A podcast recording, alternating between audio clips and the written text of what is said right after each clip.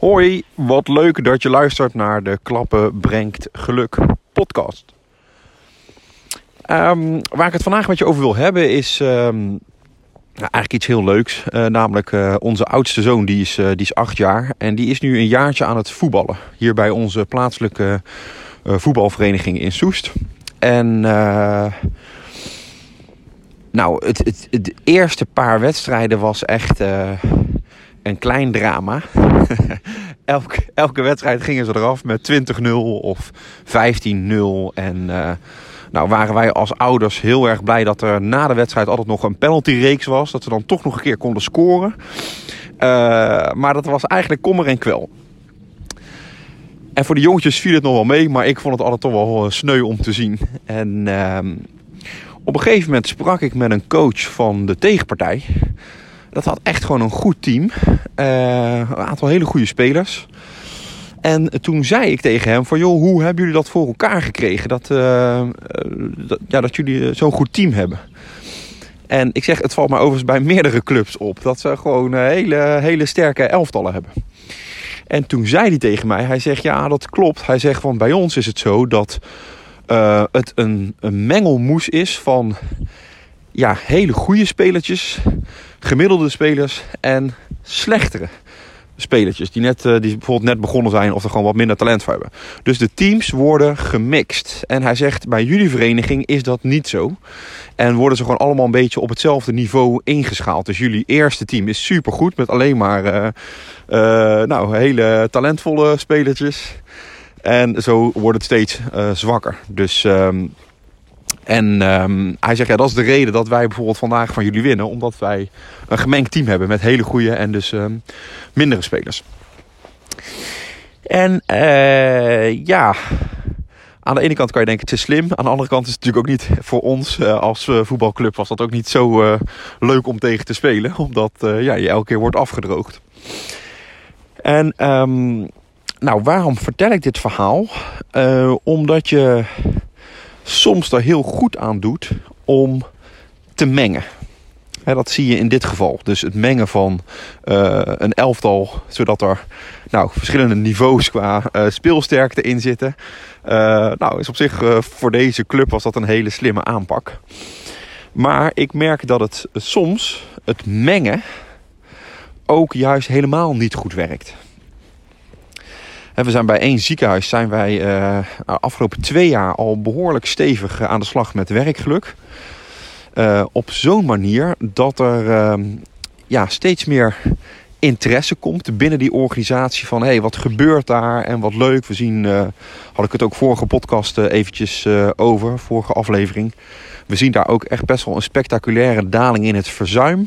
Op sommige afdelingen van meer dan 10 procent. Dus dat begint rond te zingen in die organisatie. En dan gebeurt er eigenlijk, er gebeuren er twee dingen. Je krijgt een groep ambassadeurs en fans die zich ook willen aansluiten bij je. Maar er komt ook een groep die ja, wat jaloers is. En zegt, hé, hey, wat gebeurt daar? En is dat niet een beetje oude wijn in nieuwe zakken? We doen toch al aan duurzame inzetbaarheid en vitaliteit. En ja, waarom moeten we nou ook nog met werkgeluk aan de slag? Is dat niet gewoon een beetje hetzelfde? Hè? Dus zeggen ze dan, joh, laten we alles op één hoop vegen. Laten we alles bij elkaar vegen en laten we uh, nou, het gaan mengen. Daar heb je het woord mengen weer. En um, de directeur waar ik uh, uh, vaak contact mee heb, die, um, ja, die schetste dit beeld bij mij van, goh, ik merk een soort tegenreactie. Misschien ook wel af en toe een beetje jaloezie omdat we best wel succesvol nu aan de slag zijn met het thema. En um, uh, nu komt het voorstel van, joh, zullen we alle interventies bij elkaar vegen die nou, raken aan werkgeluk. Hè? Dus uh, onze interventie plus uh, nou, wat we met duurzame inzetbaarheid doen en vitaliteit en zo er nog een aantal thema's.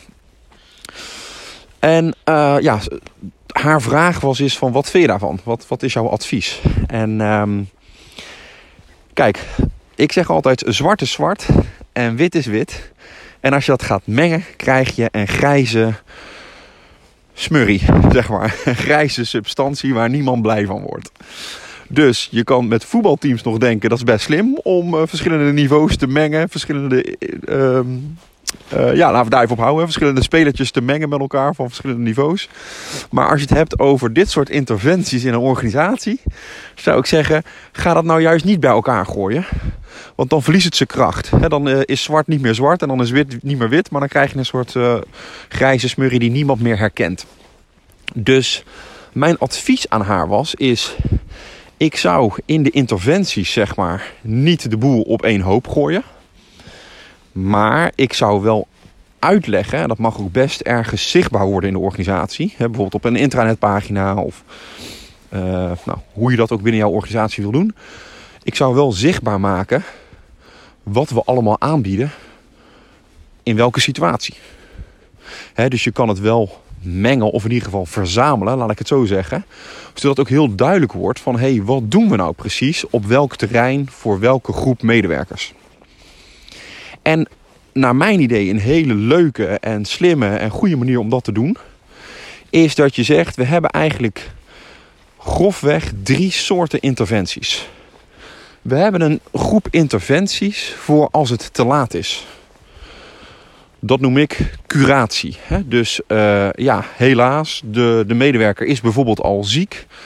En we hebben allerlei expertise in huis om hem of haar weer te begeleiden naar een aanvaardbaar niveau. Hè, weer terug naar de werkvloer. Dus de uh, verzuimbeleid zou daaronder kunnen hangen. Hè. Dus uh, oké, wat doen we allemaal om het verzuim te gaan verminderen? Maar dan richt je dus echt al op de mensen die ziek thuis zitten. Dus de, de, we zijn te laat. Nou, dat is curatie. Dan heb je nog een, een tweede soort interventies. En dat noem ik de preventieve interventies. dus dan ga je een stap maken van curatie naar preventie. En preventie betekent uiteraard het voorkomen van erger. dus dat wil zeggen, we zien op sommige terreinen dat het niet goed gaat. bijvoorbeeld, we zien bij sommige medewerkers dat ze ja, uh, op het randje van uitval zitten. Wat kunnen we preventief doen om erger te voorkomen en ja, mensen dus op de been te houden. Preventie, ontzettend belangrijk. Je kan daarbij denken aan bijvoorbeeld de bedrijfsmaatschappelijk werker. Vind ik een mooi voorbeeld. Dat is iemand, vind ik, die bij uitstek kan kijken van... hey, het gaat nu niet goed met deze persoon. Hè. Bijvoorbeeld een kenmerk kan zijn... Uh, normaal gesproken een, een, een extravert persoon die... Uh, nou best wel uh, zich kenbaar maakt in, in het team. Hè. Die vertelt altijd wel wat hij denkt. En de afgelopen tijd merk je, hij is stiller geworden. Hij trekt zich terug. dat is wel een signaal dat je kan zeggen: hé, hey, dat moeten we eens bespreekbaar gaan maken. Wat is er met die persoon aan de hand? En uh, nou, door dat te doen, vroegtijdig, bijvoorbeeld dus om een bedrijfsmaatschappelijk werker in te schakelen, of een coach of een counselor. Het kunnen natuurlijk verschillende mensen zijn binnen de organisatie. Misschien begint het wel gewoon met een goed gesprek met de leidinggevende. Hè? Maar kan je in ieder geval preventief aan de slag. En kan je voorkomen dat iemand uh, echt afglijdt naar verzuim. Of op een gegeven moment gaat vertrekken. Dus naast curatieve interventies heb je preventieve interventies. En een derde categorie, en daar ben ik zelf uh, heel enthousiast van, of over, uh, zijn de interventies die we samenvoegen in de term amplitie. En amplitie komt van het woord amplify, het Engels woord amplify. En dat betekent versterken, vergro vergroten, bekrachtigen. En dat, dat heeft dus heel erg te maken met eigenlijk een mooie uitspraak die ooit is gedaan uh, van Tinka van Vuren uit mijn hoofd. Je hoeft niet ziek te zijn om beter te worden. Dus als je het hebt over deze derde groep van interventies op het gebied van amplitie, dan zeg je eigenlijk, er is nog niks aan de hand. De medewerkers hebben helemaal geen klachten, maar presteren ook nog niet optimaal. Dus je, je zou kunnen zeggen, het potentieel van de medewerkers wordt nog niet volledig eh, benut. En um, nou, die derde groep interventies, uh, die is heel interessant als je bijvoorbeeld ook kijkt naar het thema werkgeluk. Dus als je het verzoek krijgt, misschien omdat je al binnen jouw organisatie succes krijgt met werkgeluk. En er wordt de suggestie gedaan, ja, misschien soms ook een beetje dus uit je, vanuit je jaloers oogpunt. Laten we de boel bij elkaar vegen.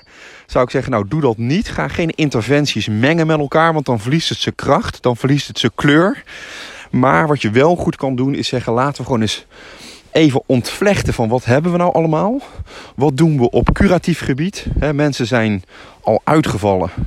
In rapportcijfers scoren al een onvoldoende. En hoe brengen we ze weer terug naar een voldoende? hoe maken we van een 3 een 6?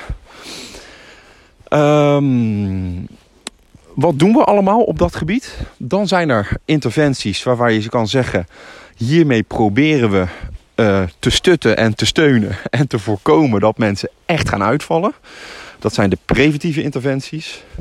In een rapportcijfer zou je kunnen zeggen: ja, mensen geven een, een, een 5,5, een vijfje. En uh, nou, dan moet, we wel, dat moet niet te lang een 5 blijven, zeg maar. Hè, want dan hebben we echt problemen.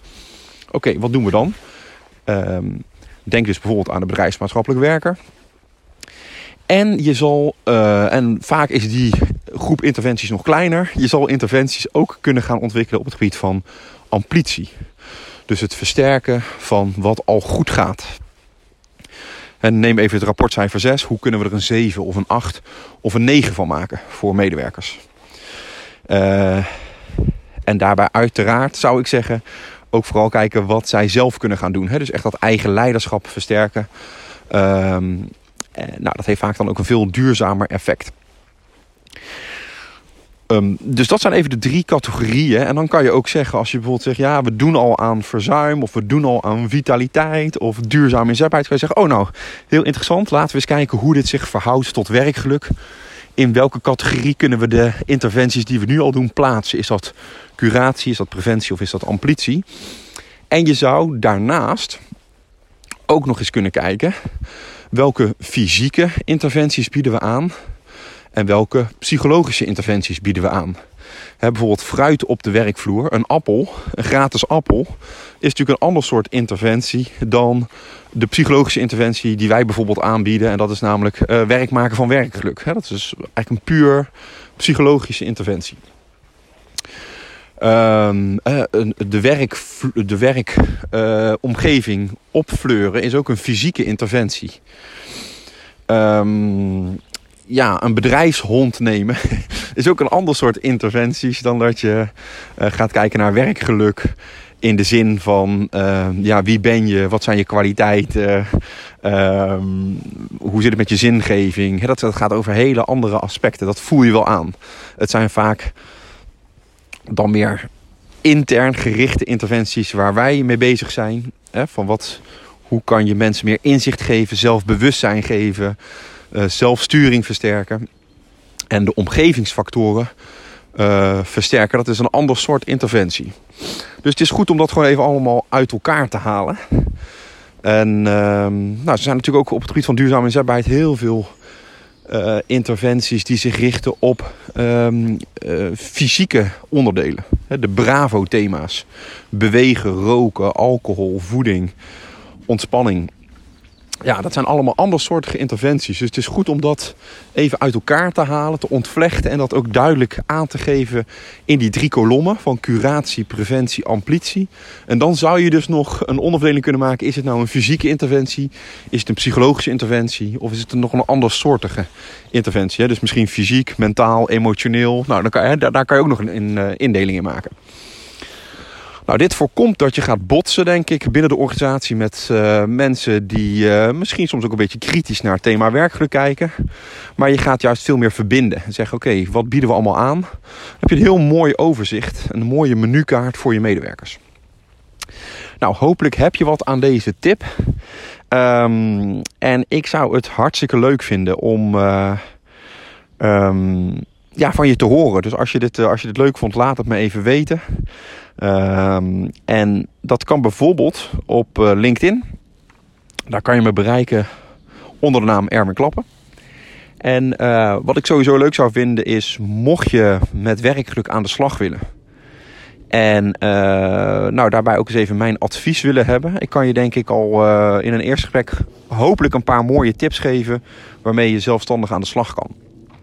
Uh, als je dat leuk vindt om een keer met me in gesprek te gaan over werkgeluk binnen jouw organisatie, dan kijk ik echt even met je mee waar jullie staan op dit moment. Ehm, stuur me dan op LinkedIn even een berichtje. Dus dat kan naar Erwin Klappen. En je hoeft eigenlijk maar één woord naar me te sturen, namelijk gesprek. En dan nemen wij even contact met je op om een afspraak in te plannen. Bedankt voor nu en heb een mooie dag.